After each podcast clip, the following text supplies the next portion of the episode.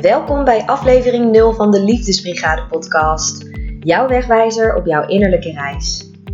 Mijn naam is Jasmin Lindenburg en als host van deze podcast leek het mij leuk om voordat ik met bijzondere gasten in gesprek ga, mezelf eerst aan jullie voor te stellen, iets te vertellen over mijn eigen innerlijke reis en te delen wat maakt dat ik deze podcast ben gestart. Nou, dit doe ik niet alleen. Ik heb namelijk aan Sanne de Bruin gevraagd of zij met mij in deze aflevering in gesprek wil gaan. Sanne en ik ontmoetten elkaar zo'n 14 jaar geleden tijdens de opleiding journalistiek in Tilburg. Ik ben na een jaar gestopt en Sanne heeft de opleiding afgemaakt, wat voor haar het startpunt was van een inspirerende carrière. Sanne is nu het creatieve brein achter haar mooie onderneming Shower Creative, waarin zij werkzaam is als freelance PR en marketing specialist en creatieve campagnes en PR-aandacht ontwikkelt voor merken die graag willen opvallen. Sanne, dankjewel dat je met mij in gesprek wilde gaan. Het is een persoonlijke aflevering geworden waarin ik mijn innerlijke reis tot nu toe met jullie deel en wat jullie kunnen verwachten in de Liefdesbrigade podcast. Even voor de beeldvorming, uh, we zitten nu hier in Amsterdam in de Pijp, vier hoog, bij jou Sanne. Ja, dat klopt. Super leuk om hier te zijn in je gezellige woning. Ja, het is een kleine woning, maar wel heel gezellig. En uh, ja, ik woon hier al iets van drie jaar nu in, uh, in de Pijp. Ik heb daarvoor in het centrum van Amsterdam gewoond. Uh, echt in de, in, op, op, de wallen letterlijk. En ja, sinds een jaar of drie woon ik nu hier in Pijp. En bevalt hier wel, hè? Ja, een stuk rustiger dan, dan in ja. het centrum. Ja. Dus dat is echt stukken beter. Ja. Geen rolkoffertjes hier en, en heel veel toeristen, maar gewoon een wijk waar mensen wonen. Heerlijk. Ja, en het is, je hebt het ook echt super leuk ingericht, heel gezellig.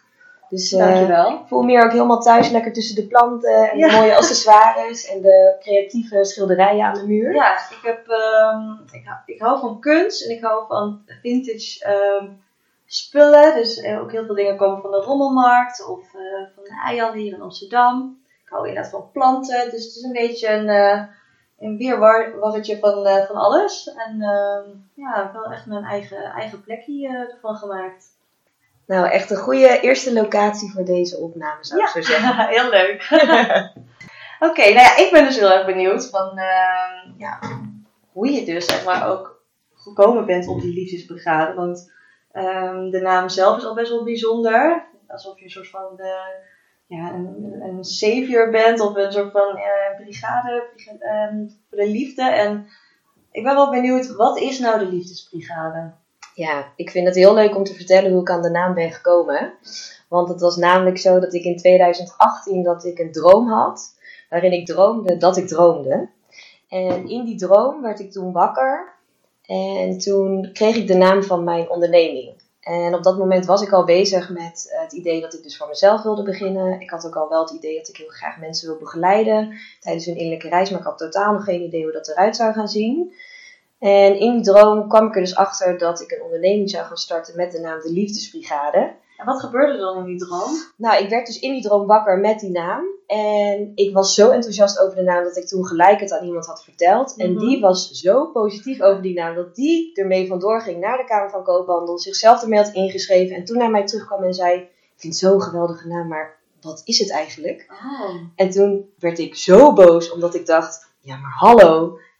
Ik wil graag de liefdesbrigade opstarten. Wat gebeurt hier nu? Dit gaat allemaal zo snel. Ik, ik, dit gaat gewoon veel te snel. En toen kreeg ik zo'n grote energy rush Mhm. in mij dat ik daar dus van wakker werd. En dat ik toen om half vijf 's ochtends zo rechtop in bed zat en dat ik dacht, de liefdesbrigade, hier moet ik gewoon iets mee. En toen ben ik gelijk mijn laptop gaan starten, heb ik gelijk gekeken. om half vijf heb je je laptop Ja. in de nacht? Ja, en, en omdat ik gewoon wist, hier moet ik gewoon echt iets mee. Toen heb ik gekeken, is de domeinnaam beschikbaar? Kan ik mezelf inschrijven schrijven bij de Kamer van Koophandel met deze naam?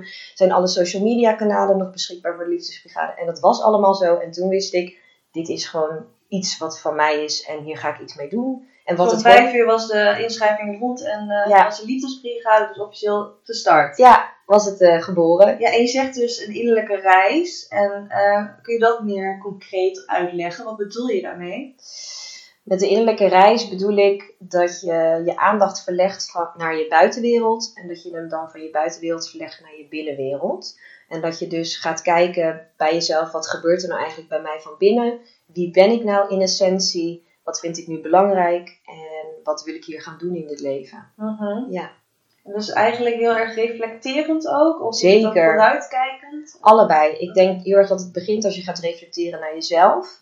En dat je vanuit daar dan weer vooruit kan kijken. Dus dat merk ik nu ook met de liefdesbrigade. Ik had toen ik het, de naam kreeg, had ik totaal nog geen idee wat het zou worden. Mhm. Maar nu wordt me steeds helderder dat het een groep mensen is. Dus echt een brigade. Ja. Die allemaal eh, doen aan innerlijk werk. En die heel graag in een Nederland willen wonen waarin onderlinge verbondenheid en oprechte aandacht voor elkaar centraal staan. Mhm. En deze mensen die beseffen zich ook dat alles wat er in je buitenwereld gebeurt, dat dat een reflectie is van je binnenwereld. Dus dat als jij ja, in een Nederland wil leven waarin die verbondenheid en aandacht voor elkaar centraal staan, dat het dus begint bij jezelf. Dus begin maar met die aandacht aan jezelf te geven en Mhm. die verbinding met jezelf aan te gaan. En vanuit daar kun je dan naar de toekomst kijken. Ja.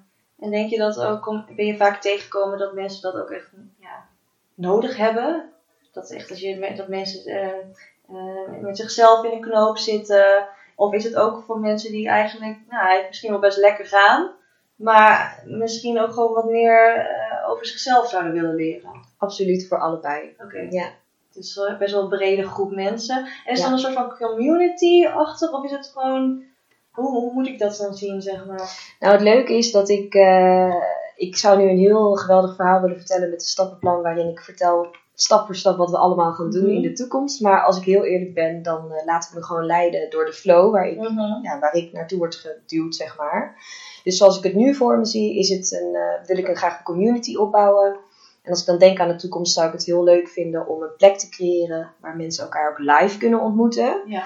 Maar goed, het kan best zijn dat in de toekomst dat ik merk dat dat verandert. Ja. Ik eh, heb eigenlijk niet zozeer een heel specifiek einddoel. Mhm. Ik geloof alleen dat het heel belangrijk is om eh, die boodschap van de liefdesbrigade de wereld in te brengen. En hoe zich dat uiteindelijk ja, zal uiten, dat Mhm. laat ik over aan, aan de flow. Ja, ja en, eh, en zijn dat bijvoorbeeld ook eh, misschien workshops of zo, of lezingen? Dat kan echt van allerlei, allerlei soorten dingen zijn. Maar waar liefde centraal staat voor jezelf of, Ja. of voor anderen. Het begint allemaal bij zelfliefde. Ja, Ja, dus liefde voor jezelf en eh, van, dan vanuit die liefde dat je dat kan verspreiden naar anderen. oké. Dus dat je echt zo'n rimpel-effect creëert. Mhm. Ja. Ja, als een olievlek verspreidt het zich. eh, Precies. want je moet eerst bij jezelf beginnen. Ja. En je bent natuurlijk de liefdesbrigade gestart. Mhm. Ehm, maar ik ben dan ook wel benieuwd van, eh, je, je hebt het over de innerlijke reis en dat is nog best wel eh, niet, dat kan nog een beetje als zweverig ervaren worden. Van, ja, wat betekent dat nou een innerlijke Mhm. reis? Ehm, kun je jouw innerlijke reis eh, uitleggen of hoe je dat hebt ervaren? Echt misschien gewoon vanaf je, je geboorte, want je hebt best wel een bijzondere achtergrond eh, van je geboorte tot nu. Mhm. En dat in, eh in een notendop, als het zou kunnen. Oeh, mijn hele leven in de notendop. Nou, dan zou ik zeggen dat mijn innerlijke reis heel avontuurlijk en ook heel hobbelig is. ja. Met af en toe hele mooie uitzichtjes, maar het is vooral heel uitdagend. Ehm, en ehm, ja, die innerlijke reis, je kan er inderdaad heel veel verschillende termen voor gebruiken. Eh, de, de weg van het hoofd naar het hart bijvoorbeeld. Mhm. eh, ontdekken wie je wezenlijk bent. Maar waar het uiteindelijk om draait, is dat je ehm, ja, de liefde eigenlijk in jezelf, voor jezelf gaat ontdekken en vinden. En dan vanuit daar ehm, je leven gaat leiden. Dus eigenlijk liefde eigenlijk zonder per se de aanwezigheid van anderen, maar echt de liefde voor jezelf. Precies. Ja, Ja. want daar begint het uiteindelijk Ja. allemaal mee. Ja, en ik geloof dat iedereen een rugzakje draagt en de een is wat zwaarder dan de andere. Ehm, en voor de een is het begin van het rugzakje weer anders. Voor mij was dat dan mijn adoptie. Ik ben Mhm. dus geadopteerd uit Zuid-Korea. Ik was vier maanden toen ik naar Nederland ging. Eh, kwam ik terecht bij hele lieve Nederlandse ouders in Zeeland. In Middelburg. Juist. het mooie Zeeland. Dus vind ik echt een luxe dat ik daar ben opgegroeid. Mm, en dat was voor mij, dat, dat legde de basis in mijn rugzakje, mijn Ja. adoptie. Ja. Dat heeft ervoor gezorgd dat ik bepaalde, op jonge leeftijd bepaalde overtuigingen ging ontwikkelen. Dat ik een, een ja, ik noem het altijd een, eh, een bepaalde pijn met me meegedragen die ik heel lang niet eh, kon plaatsen. Mhm. Kun je nu wel plaatsen die pijn? Of wat voor soort, wat voor soort pijn had je dan? Of wat voelde je dan? Mm, ik zou zeggen, ik heb, ben heel lang heb ik daar niet naar willen kijken. Dat begon dus toen ik echt mijn innerlijke reis startte. Dat ik echt ging kijken naar wat zijn nu eigenlijk mijn onverwerkte pijnstukken, welke emoties heb ik nog niet verwerkt. En bij mijn adoptie was het zo dat ik het is heel lastig om uit te leggen, maar adoptie is eigenlijk zo complex. Ik ben hier opgegroeid met twee Hollandse ouders die ik dan zie als mijn ouders. En ze voelen ook wel als mijn ouders, maar tegelijkertijd zijn ze niet mijn ouders. En weet ik dat ik in Korea nog twee biologische ouders heb. Mhm. En heb ik daar ook nog vier biologische zussen. Mhm. Ehm, dus het is eigenlijk een heel complex systeem waar ik dan in zit. Want het voelt eigenlijk zo dat ik aan de ene kant dus mijn Hollandse familie heb. Maar aan de andere kant ook mijn Koreaanse familie heb. Ja. En van die Koreaanse familie weet ik letterlijk niks. En die heb ik ze ook nooit ontmoet? Nee, heb ik nog nooit ontmoet. Mijn zussen ook niet. Nee, dat heb ik wel geprobeerd eh, in gang te zetten. Maar er zijn te weinig gegevens om hen op te zoeken. Mhm. Dus daar zitten voor mij heel veel vragen en heel veel onduidelijkheden. Ehm, en dat heeft wel de basis gelegd van mijn rugzakje. Ja. Ja, Ja, was het dan misschien ook dat je, inderdaad, dat je zegt dat die Nederlandse ouders voelen dan wel echt als mijn ouders, maar dat je misschien dat er altijd een soort van een, een naar als, dat je altijd toch wel op zoek bent, toch wel of een soort van bevestiging zoekt, of een, toch wel ja, iets wat, er, wat je nog niet hebt ontdekt, zoals je biologische ouders en je, andere, je familie en je zussen, eh, biologische zussen, dat dat altijd een soort van onverwerkt iets blijft, of kun je dat op een gegeven moment dan ook een plekje geven? door innerlijk werk kan ik het wel steeds meer een plekje geven en kan ik het ook steeds meer omarmen dat, dat die vragen er waarschijnlijk altijd zullen zijn. Maar heel lang vond ik dat wel heel lastig en heb ik daar ook wel echt mee geworsteld. ja. Omdat ik ja, heel graag ehm, meer, meer antwoorden zou willen en bijvoorbeeld heel graag mijn biologische ouders zou willen zien. Ja. Kijk, jij bent natuurlijk opgegroeid bij biologische ouders, dus Mhm. jij weet van, oh, mijn ogen heb ik van mijn vader of zo. Ja. En we lachen. Als je naar je moeder. ouders kijkt, dan zie je ook dat je niet op ze lijkt. Precies, dus ik, ik word dan in dat opzicht, eh, word ik daarmee geconfronteerd. Dat is wel een heel groot woord, zo ervaar ik het niet. Mhm. Eh, Maar dat ze niet mijn biologische ouders zijn. En zoals ik het zie is, ehm, ja, heeft het, is het voor een baby heel erg traumatisch als je negen maanden lang in de buik van je moeder leeft. Je leeft in haar, met haar, via haar, door haar. Mhm. En dat je dan daarna wordt afgestaan door haar. Met waarschijnlijk de allerbeste intenties. Ehm, maar er zit toch een, een pijn die, Ja. die heel lastig is om, eh, om, om, om te helen. Ja. Maar gelukkig heeft innerlijk werk me daar wel echt heel erg bij geholpen. Ja. Ja. ja. En jij bent ook iemand, wat ik dan weet, ook van, van journalistiek. Je hebt het niet afgemaakt, maar je hebt ook nog tientallen andere studies gedaan. Klopt, ja. Eh, je bent stewardess geweest. Ja. Dus, ja, stewardessopleiding, Ja. journalistiek gedaan. Wat heb je nog Ja. meer allemaal gedaan? Ik heb communicatie gestudeerd, heb ik ook niet afgemaakt. Ik heb uiteindelijk heb ik toerisme, die heb ik wel afgemaakt, opleiding. Ik ben meerdere malen naar het buitenland geweest in mijn eh, tiener- en begin twintiger jaren. Ehm, heb ik taalkursussen gedaan in Costa Rica, Amerika, Miami. Eh, ik heb vrijwilligerswerk gedaan. Ik heb dus in Engeland gewerkt als stewardess. Ja.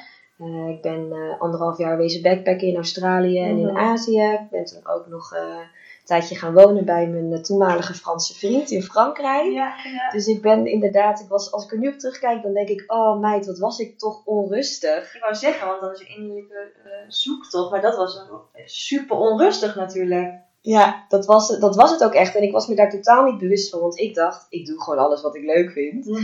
Eh, dat, ik, ik ben ook heel blij dat ik het allemaal heb gedaan. Ja. Maar eigenlijk was ik heel erg op zoek naar mezelf. Wie ben ik nu? Wat wil ik nu? Wat, wat Mhm. vind ik nu echt belangrijk? word je thuis misschien ook? Ja. Wat voor soort eh, Ja. beroep, maar ook wat, wat Ja. vind je leuk? Ja. En ik, ik kon wel alle kanten op vliegen in, in, in de hele wereld. Maar uiteindelijk neem ik mezelf steeds ergens mee naartoe. En eh, toen, eh, ja, nadat ik eh, dus was teruggekomen uit Frankrijk, toen, toen kwam ik weer terug in Nederland. En toen belandde ik in een quarter-life crisis, zoals ze Mhm. dat met een mooi woord noemen. En, hoe, en hoe lang is dat nu geleden? Dat was in 2012, dus dat is 2012. acht jaar geleden. En dat was eigenlijk de start van mijn innerlijke reis. Ja. Dat ik echt werd geconfronteerd met mezelf. Oké, ja, maar wat ben ik nu eigenlijk al die jaren aan het doen? Mhm. Ik, ik weet diep van binnen wel wat ik wil. Ik wil heel graag psychologie studeren, maar ik vind het zo'n grote stap. En eigenlijk merk ik dat mijn adoptie me ook niet helemaal lekker zit. Maar ja, ik, ik was er nooit klaar voor om daar iets mee te doen. Dus eh, door die quarterlife crisis werd ik heel erg geconfronteerd met mezelf. Mhm. Ja, En hoe uitte zich dat dan? Ehm, Ik- was je juist heel verdrietig? Ging je juist ook weer heel veel uit? Of, eh, ik eh, woonde toen in Amsterdam. En eh, ja, dat was voor die periode was dat heel prettig voor mij. Omdat ik heel veel kon feesten. Mhm. Ik ging, elke week ging ik eh, naar eh, leuke techno en housefeestjes. En eh, eigenlijk probeerde ik eh, mijn gevoelens een beetje te ontlopen en te verdoven. Mhm. En eh, ik voelde me ook, overdag voelde ik me heel erg gespannen de hele tijd. Ehm, ik, ik zat gewoon heel erg met mezelf in de knoop. Ik was heel emotioneel. Ja, echt een identiteitscrisis, zoals ze dat noemen. Ja, Ja, ja. En dat is toch best wel heftig op zo'n leeftijd. ja dat, Ja, dat je niet precies weet. En natuurlijk, iedereen twijfelt uiteindelijk van ook wie, wie die is en wat hij wil doen in het leven. En er komen altijd momenten waar je daarover twijfelt. Maar bij jou klinkt het wel echt als je, als- alsof je echt inderdaad een identiteitscrisis, Ja. zoals jij het noemt, eh, Ja. dus had. Eh, en hoe ben je daar uiteindelijk dan uitgekomen? Hoe, wat is dan het keerpunt ook geweest? het keerpunt was het moment dat ik besloot om toch opnieuw te gaan studeren. En wat ging je toen studeren? Psychologie. Oh ja. Ja. En ik twijfelde toen heel erg, omdat ik niet zeker wist, omdat het voelde weer heel erg als een commitment. Ik had al zoveel studies gedaan, die had ik niet echt allemaal afgemaakt. Zou ik, wilde ik dan wel dit weer gaan doen? Eh, maar ik voelde zo sterk dat mijn passie voor de psychologie zo groot was, dat, dat was veel meer dan een hobby. En dat bleek ook uiteindelijk de juiste zet te zijn om die studie eh, te gaan volgen. Dus Mhm. dat was eigenlijk het, het, ja, het begin van... eh, Ja. van- Heeft, heeft, heeft die studie ook heel veel inzichten gegeven dan? Want dan ga je ook, je gaat er over psychologie ga je leren, maar dan leer je Ja. misschien tegelijkertijd ook over jezelf. Absoluut. Ja. Ja, dat, was, eh, dat gebeurt zeker. Dat, dat kan eigenlijk niet anders. En ehm, ja, het was dus zelfs zo dat tijdens de opleiding leerde ik alles over de theorieën van de psychologie. En dat paste ik ook allemaal toe op mezelf, maar ook natuurlijk op de mensen in mijn omgeving. Mhm. Dat gebeurt gewoon automatisch, denk Ja. ik. Ja. En eh, daarnaast in mijn vrije tijd dook ik volledig in mijn eigen psyche. Ik wilde heel erg graag weten wie ben ik nu, wat draag ik allemaal nog met me mee, wat ik mag helen en loslaten. Mhm. Welke stukken van mezelf durf ik nog niet onder ogen te komen? Mm, op welke manieren wijs ik mezelf eigenlijk af? En hoe kom ik uiteindelijk bij die zelfliefde, bij dat, Mhm. bij dat gelukkige leven waar ik eigenlijk zo naar verlang? Maar je bent, het klinkt een beetje alsof je continu eigenlijk een soort van, eh, eh, hoe noem je dat, een soort van groente hebt, dat je, of een ui, dat je continu aan het afpellen bent. Precies. En elke keer probeer je iets weer iets verder tot de kern te komen. Want je had de vorige keer dat je, had je het erover dat je, wat ik me nog kan herinneren, dat je zei van ik wil niet vanuit, eh, van- vanuit het, eh, het zwarte, bij, vanuit het donker denken, maar vanuit het licht ook. Ehm, maar dat is soms heel moeilijk, want ik kan me voorstellen, kijk, een innerlijke reis en, en zelfliefde dat zijn allemaal best wel be- begrippen die je best wel meer hoort eh, tegenwoordig. Mhm. En het is eigenlijk makkelijker gezegd dan gedaan, want ja, hoe begin je? Stel- Stel je voor, ik zit, ik zit, ik zit niet lekker in mijn vel, ik, maar ik weet niet waar ik moet starten. Wat zou jij dan adviseren? Waar moet ik beginnen met die innerlijke reis? Dat is een hele goede vraag, want het is ook lastig. En ik zou zeggen dat je begint op het moment dat je aan jezelf durft toe te geven dat je gewoon niet verder wil gaan op deze manier en dat je er klaar voor bent voor die echte verandering. Want je kunt pas echt die innerlijke reis gaan beginnen als jij je 100% daarvoor wil inzetten. En dat je weet dat het echt niet makkelijk gaat zijn, maar dat je zo graag wil dat het leven voor jou nu anders wordt. En dat je anders in je vel wil zetten, dat je je beter wil voelen, dat je je lichter wil voelen. Dus dat je letterlijk echt committed bent om die stappen te nemen. En daar begint het mee. Ja. Toegewijd zijn aan het proces. ja, maar is het dan ook een reis die eigenlijk oneindig is? Ik geloof van wel. Ik denk dat je altijd die ui kan afbellen. En dat als je die ui eenmaal hebt afgebeld, Mhm. kom je erachter dat er nog een ui is. En Ja. er ligt er nog een ui in je mandje. Dus Ja. je kan blijven afbellen Ja, tot, je, tot je een ons weegt. Ehm, ik geloof wel dat het steeds wat lichter wordt. Eh, dat, dat je merkt dat er steeds meer veranderingen komen in je dagelijks leven. Dat, eh, wat ik bijvoorbeeld bij mezelf merkte is, ik zag vroeger altijd het glas half leeg. Maar ik heb wel echt kunnen trainen, mezelf kunnen trainen om het glas half vol te zien. Ja, en hoe kun je dan, eh, even praktisch, kun je dan een voorbeeld eh, geven hoe je dat dan in de praktijk kunt uitvoeren? Want stel je voor, ik ben iemand die op dit moment het glas half leeg ziet. Dat is niet, ik ben best wel positief. maar stel je voor, Ja, en ja. Eh, ik kom gewoon niet uit die negatieve eh, flow. Ja. Eh, en ik, maar ik weet wel bij mezelf, ik wil dit niet meer. Ja. Dus ik wilde inderdaad, zoals jij het noemt, de innerlijke reis, die wil ik gaan beginnen. Ja. Maar moet ik dan hulp gaan zoeken? Wat, hoe, hoe, hoe kan ik, hoe, waar moet ik beginnen? En dit wat jij nu aankaart is precies de reden dat ik deze podcast start. Omdat er zijn zoveel verschillende mogelijkheden die jou kunnen helpen. Nou, in dit geval dus om positiever te gaan denken en te Mhm, kijken naar, ja. naar situaties. Maar dat je bijna door de bomen het bos niet meer ziet. dat het zo lastig is. Er Omdat zijn er zoveel zoveel psychologen, er zijn zoveel Precies. workshops. allerlei vormen van coaching. eh, je, je kan eh, mindfulness doen, yoga, eh, psychedelica. Er is van alles dat je kan doen.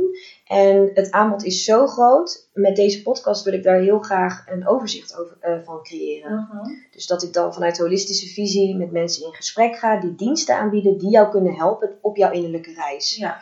En dan, ehm, ja, dan eh, kun je denken aan eh, diensten die zijn gericht op lichaam, geest en ziel, Mhm. energetisch. Mhm. En dat is dan ook het doel van deze podcast. dat je dan naar afleveringen kunt luisteren. Ik heb bijvoorbeeld eh, iemand eh, die eh, mindfulness ehm, trainingen geeft. Ehm, nou, dat je dan kan luisteren. Misschien is dit wel iets voor mij. Misschien kan ik wel een dergelijke training volgen. Of kan ik een boek daarover lezen. En kan me dat helpen om me bewuster te worden van mijn eigen gedachtenpatronen. En hoe ik dan kan leren om dat glas toch half vol, half vol te zien. Ja. ja, dus eigenlijk het is een soort van. Deze podcast moet eigenlijk meer een soort van oriëntatie zijn. Van dat je eigenlijk weet, ik sta op een punt van. Nou, ik, ik besef dat ik, eh, dat ik die inner- innerlijke reis wil starten. Of ik ben misschien ook al begonnen, maar ik ben op het punt dat ik Ja. eigenlijk niet meer zo goed weet welke Ja. kant ik op moet gaan. Ja. Ehm, en als je dan eh, wordt geïnspireerd, maar ook geïnformeerd over Juist. hoe je het nog verder kunt oppakken of mee kunt starten. Ja, wat want- de mogelijkheden zijn. Dus. Precies, want ik heb zelf tijdens mijn innerlijke reis ook van alles gedaan. Ehm, Kun je voorbeelden noemen dan? Jazeker, ik eh, ben in therapie geweest. Ik heb verschillende therapievormen gevolgd. Ehm, ik heb ehm, bijvoorbeeld ayahuasca gedaan. Ik heb andere psychedelica gedaan die mij heel erg hebben geholpen. Wat ben ik toch benieuwd. Wat voor psychedelica heb je dan gedaan? Eh, nou, je kan dan bijvoorbeeld denken aan eh, truffels. Dat heeft mij heel erg geholpen. Je zegt heel erg geholpen. Ehm, en leg mij uit van. Want mijn, mijn gedachte is dat je dan. ehm, of dat, klopt dat wel helemaal? Is dat inderdaad niet, is dat iets, is dat niet gewoon een visie die je creëert door de, het effect van de druk? Of is dat, wat heb je toen meegemaakt? Nou, dan denk ik dat het, dan wil ik graag beginnen met ayahuasca, omdat dat voor mij mijn eh, eigenlijke start was. Ehm, ik kan me heel goed voorstellen dat je denkt dat de, de visioenen of de hallucinaties die je dan ervaart, dat dat niet echt is. Eh, maar ik geloof dat het uiteindelijk niet zozeer gaat om wat je dan ziet, maar vooral om het gevoel dat je daarbij hebt. Oké. En ehm, dat gevoel, in ieder geval voor mij, dat liegt nooit. Het ligt absoluut nooit. En wat voelde je toen dan? Nou, Bij die ayahuasca?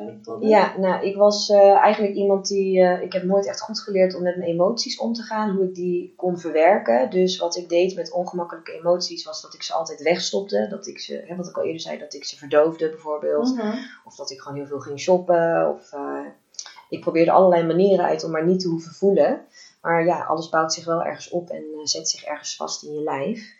En ehm, nou ja, door die ayahuasca-sessies bijvoorbeeld, eh, kwam er heel veel verdriet naar boven. En dat was eigenlijk voor het eerst dat het voelde echt letterlijk alsof er een zo'n super diepe put in de grond zat, waar dan water zat, helemaal onderaan de bodem, kilometers naar Ja. beneden. En dat iemand dan zo langzaam die pomp aan het pompen was en dat dan heel langzaam dat water zo naar boven kwam. Oké. En dat waren dan allemaal tranen. En dat was dan eindelijk voor het eerst dat ik al dat verdriet toe kon laten. Mhm. Dus op zo'n manier kan het je zeker helpen. En dat schapt dan echt opluchting. Absoluut. Als je ja. weer misschien weer ruimte om Ja. andere perspectieven, ideeën Ja. weer toe te laten.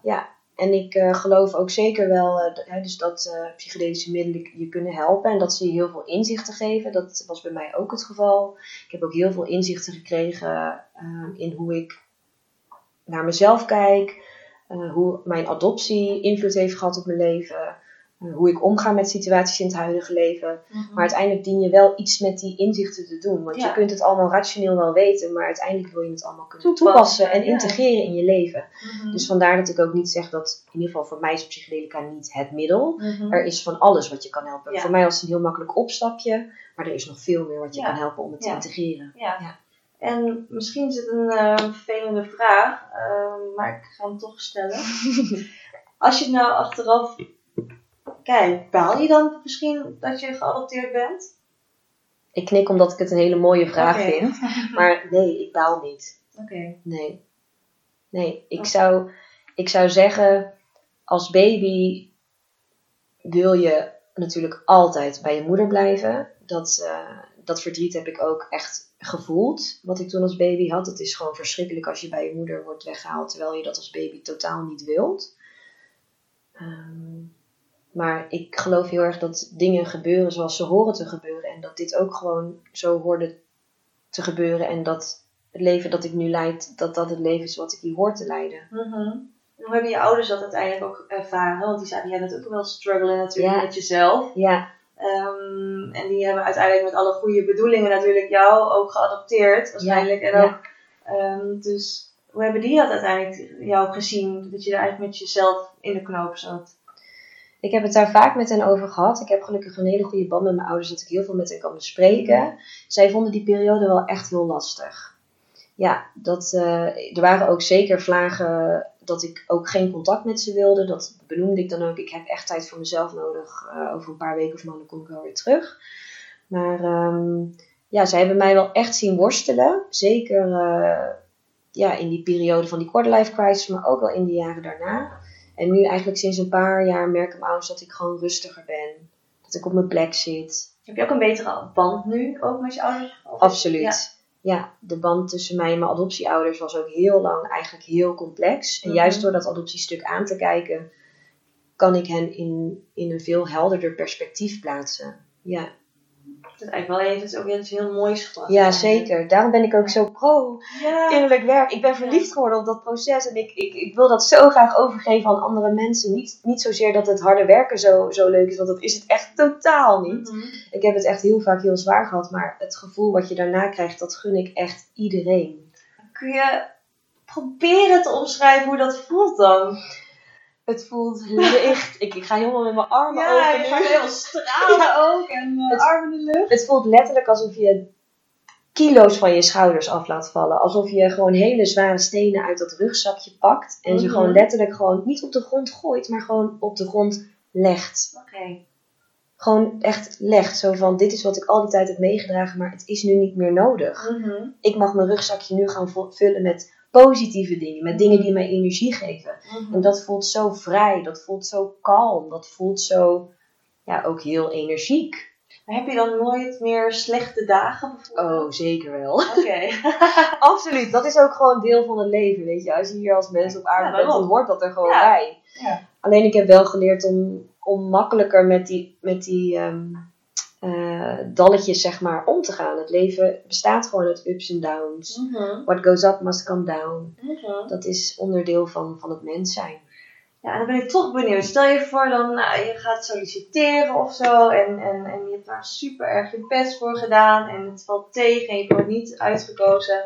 En dat gebeurt dan nog eh, tien keer. En op een gegeven moment zakt de moed in je schoenen. En dan heb je gewoon ook een negatief gevoel. Ehm, Mhm. Hoe zou je daar bijvoorbeeld met innerlijke liefde uit kunnen komen? Dat je zegt, nou, die elfde sollicitatie, die ga ik, nog, die ga ik gewoon rocken. Die ga ik gewoon nog een keer doen. Ik denk dat dit heel herkenbaar is voor heel veel mensen. Niet, niet eens per se eh, met sollicitaties, maar gewoon in het algemeen. Dat je telkens weer teleur wordt gesteld. En hoe ga je er dan eigenlijk mee om om toch die positieve bril op te blijven houden? Ja. ja. Ik zou zeggen, wat, wat je vaak ziet is dat we geneigd zijn om die negatieve emoties dan maar weg te drukken. En om dan onszelf maar te forceren dat we maar positief moeten blijven, tussen aanhalingstekens. Omdat ja, zonder eh, die positieve instelling dan haal je het nooit. Nou, ik geloof daar niet per se in. Ik geloof juist dat het heel erg kan helpen om even bewust te gaan zitten met die teleurstelling en met die rotgevoelens. En dat je het ook gewoon heel jammer vindt dat je iets Mhm. bijvoorbeeld, eh, dat je niet bent aange- aangenomen bijvoorbeeld. Mhm. En dat het er ook gewoon mag zijn. Ja. Ik vind het wel interessant dat je dit zegt, want ik heb een paar dagen geleden een artikel gelezen, ik weet niet meer precies waar, maar dat wij in een, eh, een samenleving eh, wo- wonen, leven, waar eigenlijk alles een positieve draai, of ja, uiteindelijk een resultaat moet hebben. Zelfs als iets negatief is. Bijvoorbeeld was er, zeg maar, dus als je dus niet wordt uitgekozen voor een sollicitatie, eh, of voor een functie, voor een nieuwe baan, dat je dan daar weer een learning uit moet trekken, zodat het negatieve weer positief wordt. Dat we eigenlijk niet kunnen aanvaarden dat sommige dingen gewoon mislukken, Ja. dat het niet doorgaat, Ja. maar dat eigenlijk uit die misluk- mislukking moeten we eigenlijk weer iets positiefs halen, Ja. een, een les, zodat het wel weer een positieve draai Ja. geeft, zeg maar. Ja. En eigenlijk wat jij ook zegt, eigenlijk moet je eigenlijk gewoon soms je tijd gunnen om gewoon even met de mislukking, met de afwijzing te zitten. Precies. Ja, en dat je het gewoon echt leert om toe te laten, dat ongemakkelijke gevoel. En dat, dat doen we natuurlijk het liefst niet. Mhm. Maar ik geloof heel erg dat als je daarmee gaat zitten en het even allemaal toelaat, dat het vanzelf ook dan langzaam weer weg hebt. En dat je misschien niet de dag daarna, maar een paar weken, maanden, een paar sollicitatiegesprekken later, Mhm. dan kan inzien: hé, hey, er was toch een reden dat ik daar niet werd aangenomen. Ja, want het kan natuurlijk aan 80.000 Ja. redenen liggen. Ja. Ja. En dat je dan ergens terechtkomt bij een baan waar je volledig op je plek zit. Mhm. Ja, en dat Ja. je dan misschien denkt, oh ja, dan was dat toch ergens goed voor. Maar niet dat je jezelf forceert om er op dat moment zelf een lering uit te trekken. Want Mhm. Ja, dat, dat lukt überhaupt denk ik helemaal niet als je gewoon je heel erg kloten voelt op dat Ja. moment. Ja, dus eigenlijk ehm, een positieve zelfbeeld be- is niet begint, maar is ook het negatieve eigenlijk omarmen. Precies. Ja, je kan alleen maar iets positiefs hebben als je ook iets negatiefs hebt om er Ja. tegenaan te zetten. Maar dat is in deze samenleving wel echt heel lastig tegenwoordig. We kunnen niet Ja. echt meer met negativiteit omgaan, denk ik. Bij mezelf vind ik dat ook al lastig. Feedback of gewoon mensen die kritisch zijn. Mhm. Je denkt toch vaak dat het heel persoonlijk is. Eh, en ook dus vaak dat je denkt, oké, wat kan, welke les kan ik hier dan uittrekken? Terwijl eigenlijk, je kunt ook even zitten, eigenlijk misschien even je computer uitschakelen, even op de bank duiken, denk, oké, even een uurtje uitschakelen, Ja. balen van dit, eh, dat, deze afwijzing of deze kri- kritiek. En dan denk ik, ik klap mijn laptop weer open en ik ga gewoon weer verder. Ja. Alleen, we zitten ook in een samenleving waar alles weer door moet gaan en niks stopt. Ehm, dus ik kan me ook wel voorstellen dat mensen denken, ja leuk die innerlijke reis en leuk dat omarmen, maar daar heb ik geen tijd voor, want ik heb kinderen eten te geven, ik heb een fulltime job, ik moet nog sporten. Mhm. We, worden, we hebben natuurlijk zoveel prikkels. Daarnaast hebben we ons eigen rugzakje natuurlijk ook die iedereen heeft van Ja. dingen die we hebben meegemaakt. Het is wel verdomd lastig om, om, om positief soms te blijven. Ja, je hebt veel ballen omhoog te houden. En als je dan ook nog zo'n grote positieve bal moet vasthouden, dat is Ja. nogal wat. Ja, Ja. en dan moet ik ook dat, eh, dat innerlijke rugzakje of dat, die, Ja. die dat rugzakje nog eh, proberen te legen. dat is dus het mooie, vind ik, aan innerlijk werk. Ehm, voor iedereen is het pad anders. En voor iedereen werkt ook weer iets anders. Dus wat voor mij heel goed kan werken, hoeft voor jou totaal niet te werken. Ehm, misschien vind ik het wel heel fijn om eh, elke ochtend yoga te doen. Bijvoorbeeld, nou weet ik dat jij dat ook doet. Hè? Maar Mhm. bij wijze van spreken iemand anders denkt, nou goed, ik ga hier op zo'n matje liggen. Een beetje Mhm. flexibel lopen doen. Nou, ik ben absoluut niet flexibel. Nee, maar ik ook niet. Daar gaat het ook helemaal niet om. tering, Ja, ja. daar gaat yoga uiteindelijk ook helemaal niet om. Ja. Uh, maar er is altijd wel iets voor iemand. En ik geloof dat als je eenmaal besluit hè, dat je met de volle 100% ja zegt tegen de innerlijke reis, dan kun je ook niet meer terug. En dat, dat wil je ook niet meer. Dan kom je eigenlijk in een bepaalde flow terecht, Mhm. waarbij je telkens ervaringen krijgt die jou helpen om je meer te laten inzien over jezelf en Mhm. over wat je belangrijk vindt in het leven. Dat, dat, ik geloof heel erg dat je krijgt wat je op dat moment aan kan. ja. Daar geloof ik heel erg in. Ja. En toch even dan terug, de liefdesbrigade van, ehm, het- je zegt het is voor iedereen, maar mensen die nu luisteren bijvoorbeeld, die, ehm, hoe kan je jezelf herkennen dat je denkt, dit, dit, is iets voor mij, zeg maar. Ik wil hiermee beginnen met die innerlijke reis. Wat, is, zeg maar, wat, voor, wat voor soort mensen zijn dat? Zeg maar, welk voor stadium van hun leven zijn ze? Wat ik vaak merk is dat er een bepaalde pijn of een bepaald ongemak is. Dat eh, zie ik ook bij mezelf, zag ik ook bij mezelf. Waar je dan zo vaak tegenaan loopt dat op een gegeven moment dat je merkt, ik wil dit gewoon niet meer. En hoe uitte zich dat bijvoorbeeld bij jou dan? Ehm, In dat feesten bijvoorbeeld? Of, ehm, Nee, dat was meer een, ehm, een, eh, een symptoom daarvan. mhm. Ik zou eerder zeggen dat ik bijvoorbeeld merkte dat ik heel erg onrustig was in mijn hoofd. Dat ik heel veel piekerde. Eh. Dat ik heel vaak gefrustreerd raakte door mijn eigen emoties, omdat ik ze niet goed kon verwerken. Mm, dat ik het soms heel lastig vond om bepaalde contacten aan te gaan, bepaalde verbindingen aan te gaan, omdat ik mijn hart niet kon openen en ik juist dat heel graag wilde. En dat ik dan telkens teleurgesteld werd, omdat ik dan toch niet op een bepaalde manier een vriendschap aan kon gaan, bijvoorbeeld. En op een gegeven moment dan is die pijn is dan zo groot, of het ongemak is, wordt zo ondraaglijk, dat je, ja, dan wil je gewoon iets anders. Ja, maar dan ben je eigenlijk misschien wel weer te ver gegaan. Eigenlijk zou je misschien mensen zelfs nog al eerder willen adviseren misschien om die innerlijke reis te starten. Zeker, alleen wat ik wel zie, is dat je er dat wat ik merk is dat mensen dan wel zeggen, ja, ik zou het wel willen, maar dat ze het uiteindelijk niet doen. Oké. En dat is eigenlijk hetzelfde als dat je bijvoorbeeld denkt aan gezond eten en sporten. Iedereen, zou, iedereen weet dat het goed voor hen is om, eh, om eh, zoveel uh, ons groente en fruit te eten per dag. En Mhm. om elke dag minstens een half uurtje te bewegen. En eh, dat je beter die zak chips kan laten liggen en eh, Ja. die fles wijn. Maar toch heel veel mensen doen het wel. Dus je kan iets wel rationeel weten van, ja, ik denk al dat het goed voor me is. Oh, ze doen het wel als in ze drinken en toch al die chips Ja. Ja, ja, ja. ja. Ja, dus je kan iets rationeel wel weten dat iets Ja. goed voor je is en dat het je kan helpen. Maar vaak is er een bepaalde blokkade waardoor je het dan toch niet doet. En ik geloof zeker dat er mensen zijn die merken, ik wil een innerlijk werk doen of ik wil meer over mezelf leren. En die kunnen dat gewoon doen.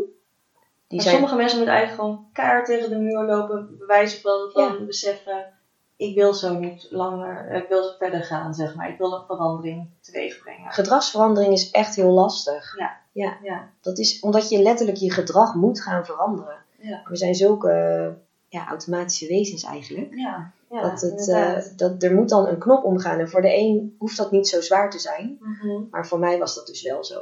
Ja, ja. Ja, Ik vind het mooi om te horen dat je gewoon, dat je dan daarna zo licht voelt. Want dat Ja. is natuurlijk, bijna misschien denk ik mensen die het zwaar hebben met zichzelf, natuurlijk bijna een soort van utopie. Van, uh, bijna een droom die, die, die ze graag Ja. zouden willen zien uitkomen. Ehm, dat misschien soms haast onmogelijk lijkt, misschien zelfs. Mhm. Ja, en dat, dat, dat herken ik dan ook wel. Want dat heb ik zelf ook heel vaak gevoeld. Dat ik ook wanhopig daarvan werd in de zin van... Komt het ooit nog wel goed? Ga ik me ooit wel beter voelen? Ja, wanneer stopt dit? Dan wil je ook graag de controle erover hebben. Ehm, en dat probeer ik dan bijvoorbeeld via mijn ehm, posts op Instagram. Probeer ik daar bepaalde positiviteit Ja. en bepaalde hoop in te creëren. Dat ik geloof dat het echt wel komt. ja. En hoe bedenk je die post dan bijvoorbeeld? Ja, dat is een hele leuke vraag. Want Ik- zijn best wel lange teksten vaak ook. Ja, dus ik vind het leuk dat je dat vraagt, want het klinkt heel gek wat ik nu ga zeggen, maar ik heb het gevoel dat ik ze niet zelf bedenk. Hmm. Wat ik merk is dat als ik een soort, ik voel dan een soort van eh, push. Mhm. Ehm, en dan moet ik, ik schrijf al mijn eh, posts altijd op mijn telefoon. Wat heel grappig is, want ik hou juist eigenlijk van pen en papier. Maar dat doe ik dan op mijn telefoon. En dan vergeet ik eigenlijk alles om me heen waar ik mee bezig ben op dat moment. Maar ik voel dan zo'n sterke push, zo'n sterke drang dat ik iets moet schrijven. Het is dan alsof de woorden door mij heen stromen. En alsof ik ze niet zelf bedenk. Ja. En dan soms lees ik het terug en dan word ik ook geëmotioneerd door die woorden die er op, op papier staan. Omdat, ja, ik, het is alsof ik ze voor het eerst lees. Ik ben nu eigenlijk best wel benieuwd, want misschien hebben mensen nog nooit jouw eh, Instagram ge- gelezen of gezien. Dus ik eh, pak even snel mijn telefoon erbij. Ehm, dan ga ik even naar jouw account. Liefdesbrigade, hier is die. Zal ik gewoon de allerlaatste post, dat, eh, Ja. zal ik hem dan voorlezen? Ja. Even kijken hoor. Oké, dan begin ik. In het hols van de nacht werd ze wakker. In de duisternis was, was alles donker en toch kon ze zien. Want binnenin haar, binnenin haar ontstonden werelden die voorbij haar omgeving gingen. Verder reikten dan de ruimte waarin ze zich begaf. Even wist ze het niet meer, begreep ze het niet meer, snapte ze het niet meer. Was zij er niet meer? Verloren in de grensloosheid, ze versmolten met de eenheid, opgelost met de werkelijkheid. Het bestaan van de werkelijkheid werd uitgewist door de werkelijkheid van het bestaan. Je kunt eeuwig blijven dromen over datgene wat je het meest verlangt. Of je kunt je ogen openen, ontwaken en gaan zien. Zien dat alles wat je verlangt al in jou aanwezig is. Zien dat alles in jouw leven gebeurt om jou terug naar de essentie te brengen. Zien dat iedereen op jouw pad komt om jou te herinneren aan wie je wezenlijk bent. Zien dat jij onlosmakelijk verbonden bent met een groter geheel en, en dat het leven jou dient voor de ontwikkeling van die grootsheid in jou. In de natuur groeit immers niks kleiner, alleen groter, net als jij. Laat je maar teleurstellen, dan weet je wat jou echt belangrijk is. Laat je maar beangstigen, dan leer je hoe je moedig kunt zijn. Laat je maar kwetsen, dan ontdek je waar jouw grenzen liggen. En laat je hart maar openbreken, dan kan het zich daarna vullen met liefde. Ja. Mooi geschreven, maar ook pittig, zwaar en ook niet heel concreet. Ik kan me voorstellen dat mensen denken, wat bedoelt ze nu precies? Mhm. Alles wat ik schrijf, dat is gebaseerd op mijn eigen ervaringen. Dat merk ik wel heel erg dat het altijd overeenkomt met wat ik zelf beleef. En als ik dan denk aan deze post, die gaat voor mij heel erg over wat ik geloof dat wij in essentie zijn. En wij leven hier natuurlijk als mensen hier op aarde. Uh, maar ik geloof dat wij in essentie veel meer zijn dan dat. Mm -hmm. uh, dat wat wij zijn veel groter is dan dat. En dat het veel, um, veel verder gaat dan wat wij met onze denkgeest kunnen bedenken. En ja, ik geloof dat dat liefde is, of noem het bewustzijn. Mm -hmm. En uh, daar is deze post eigenlijk op gebaseerd. En dan zit je in de trein of dan ben je aan het fietsen. Wanneer komt zoiets in je op? Ja, het hangt er een beetje vanaf. Het, kan, het is vaak nadat ik een bepaald inzicht heb gehad of dat Mhm. ik zelf een bepaalde blokkade heb eh, doorbroken. En deze heb ik een paar dagen, volgens mij was die gisteren of eergisteren heb ik hem geschreven. En dat was ook eh, nadat ik, eh, nadat er, eh, ja, dat, dat ik ook weer bepaalde inzichten had gekregen over mezelf. En dat ik ook weer heel even dat voelde. Dat, dat ik veel meer ben dan, dan Jasmin Lindenburg. Mhm. En dat wat wij in essentie zijn, dat dat ook, eh, ja, dat, dat, dat we allemaal onlosmakelijk met elkaar verbonden zijn. Dat wij eigenlijk die eenheid zijn. Ja. Ik kan me voorstellen dat sommige mensen denken, oh, dit klinkt wel heel nou, zweverig wil ik het niet noemen, maar niet heel duidelijk. En we, willen soms wel meer concreetheid hebben natuurlijk. Ehm, snap je dat? Dat soms mensen denken van, wat zit Jasmin nou te lullen eigenlijk? Weet je wel, wat zegt ze nou eigenlijk? Ik begrijp er niks van. Absoluut. Ik dacht dat vroeger ook. Als ik mensen zo hoorde praten, dacht ik, nou, je bent me al kwijt bij je eerste drie woorden. maar dat is ook prima. Dat, Ja. dat, dat kan gewoon. Ja. En ja, ik, ik, ik snap het ook heel erg. Als je je niet bezighoudt met deze materie, dan is het misschien ook heel snel filosofisch. En dan, Mhm. dan, dan raak je ook snel de draad kwijt. Ik wil heel graag ook in de podcast eh, met iemand in gesprek gaan die dit heel helder kan vertellen op een hele toegankelijke manier. Dus dat is ook wel mijn doel, dat Ja. dat, dat dan heel erg helder overkomt. Ja. Ehm, ja, ik, eh, ja, ik geloof dat eh, ja, voor de een sluit dit wel aan en bij de ander niet. Nee, en dat is oké. nee. Nee. En misschien is het ook inderdaad bijna, eh, is het raakvlakken met filosofie inderdaad. Ja, Dat heeft het ook. het ja. niet per se dat er een antwoord hoeft te zijn, maar dat het Ja. altijd in het midden blijft liggen. Ja. Tegenovergestelde van journalistiek natuurlijk. Ja, Dan wil je gewoon ja, een vraag-antwoord. Ja. En filosofie is natuurlijk eigenlijk, er is geen antwoord. Het is een soort van, we laten het in het midden. Het is, het is wat het is. Ja, Dus eh, misschien is dat het inderdaad ook gewoon. Dat het gewoon een gespreksonderwerp is waar je over kan blijven praten. Maar dat er geen goed, fout, links, rechts. Het is, het is, het is er gewoon, zeg maar. En dat is dus precies ook wat, wat, ik, wat ik zo mooi hieraan vind. Dat je er ook gewoon vanaf allerlei verschillende manieren naar kunt kijken. En dat, er, ja, dat, dat alle opties mogelijk zijn en met, dat je met elkaar erover in gesprek kan gaan. En dat je uit al die gesprekken ook weer iets kan leren, iets kan meenemen, je eigen inzicht uit kan halen. Dat kan jou dan weer helpen. Ja. Dat vind ik het mooie eraan. Ja. Nou, en dan ben ik ook wel benieuwd van, je bent, wat zijn je toekomstplannen, zeg maar? Want je, je bent een studie eh, gestart. Je moet me even helpen volg hoe die ook alweer heet. Ik volg nu de opleiding tot holistisch therapeut. Uit, dat was Ja. het. Eh, dat vind ik echt ontzettend leuk. Eh, en het is wel eh, in ieder geval de bedoeling dat ik mensen uiteindelijk daarmee ga begeleiden, dus holistische therapie. En tegelijkertijd voel ik ook dat dat niet het enige is wat ik wil doen. Er komt een workshop aan, die waarschijnlijk, een beetje afhankelijk van de coronasituatie, maar die eh, waarschijnlijk in de herfst wordt eh, gelanceerd. Dus dan is die ook op mijn website te vinden. Dat is een transformatiespel waarbij je als spelenderwijs inzichten kunt eh, krijgen over jezelf en hoe je naar het leven kijkt en hoe je omgaat met situaties in je leven. Mhm. Dat is echt voor persoonlijke ontwikkeling.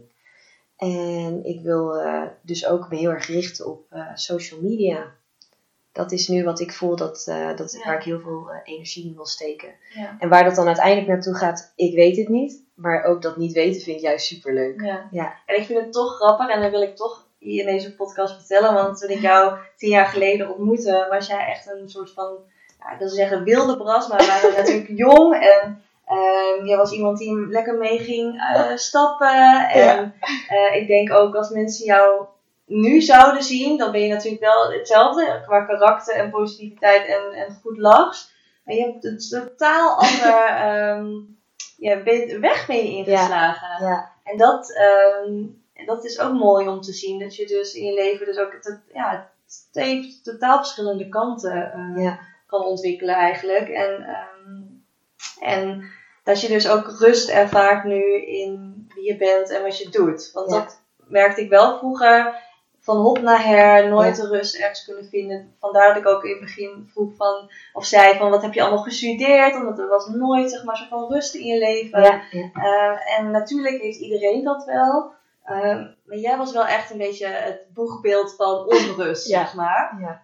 Um, en dat je nu eigenlijk rust hebt gevonden in wat je doet. En je bent nu um, uh, dus aan het werk bij het Erasmus ja, Universiteit. Universiteit in Rotterdam. Ja. Dus daar heb je nu werk en heeft toch weer raakvlakken met, met, je, met je studie, met je psychologie, Ja. je. Dus uiteindelijk komt het toch allemaal weer terecht, op zijn pootjes terecht, waar hoe je ja, moet, zou moeten zijn in ieder geval. Um, en dat is wel mooi om te zien dat je gewoon de rust hebt gevonden. Ja. Ik denk dat het, uh, dat het wel heel, heel prettig is. En ik denk ook dat je dus daar heel gelukkig van wordt. Dat zo kom je wel Zeker. over. Ja, zeker. En dat is echt waar. Dat is allemaal te danken aan het innerlijk werk. Ja, Omdat ik die rust gewoon nu echt van binnen heb. En echt niet elke dag, absoluut niet. Ik heb ook echt heel vaak roldagen. Maar dan kan ik ook gewoon nu veel beter met die roldagen omgaan. Mhm. En dat is wel echt wat het innerlijk werk doet. En er wa- er waren echt op een gegeven moment momenten in mijn leven dat, dat ik het zo zwaar vond, maar dat ik tegen mezelf huilend zei: Mijn pijn is niet voor niets geweest. Ik wil andere mensen inspireren Mhm. hiermee. Ja. En ik wil ze motiveren en ze hoop inspreken. Ja. Dat, dat er echt licht, ja, licht is aan het einde Ja, het klinkt heel zwaar, Ja. natuurlijk. En ik denk ook inderdaad. Ik denk dat ook heel veel mensen gewoon. ehm, ja, dat het ook prettig zou zijn, inderdaad. Jij hebt het in ieder geval. Jij zei net van. Zo'n gedrag is heel moeilijk te veranderen. Maar ik denk ook in deze wereld waar, waar, waar burn-outs en, en ehm, vermoeidheid best wel vaker voorkomt.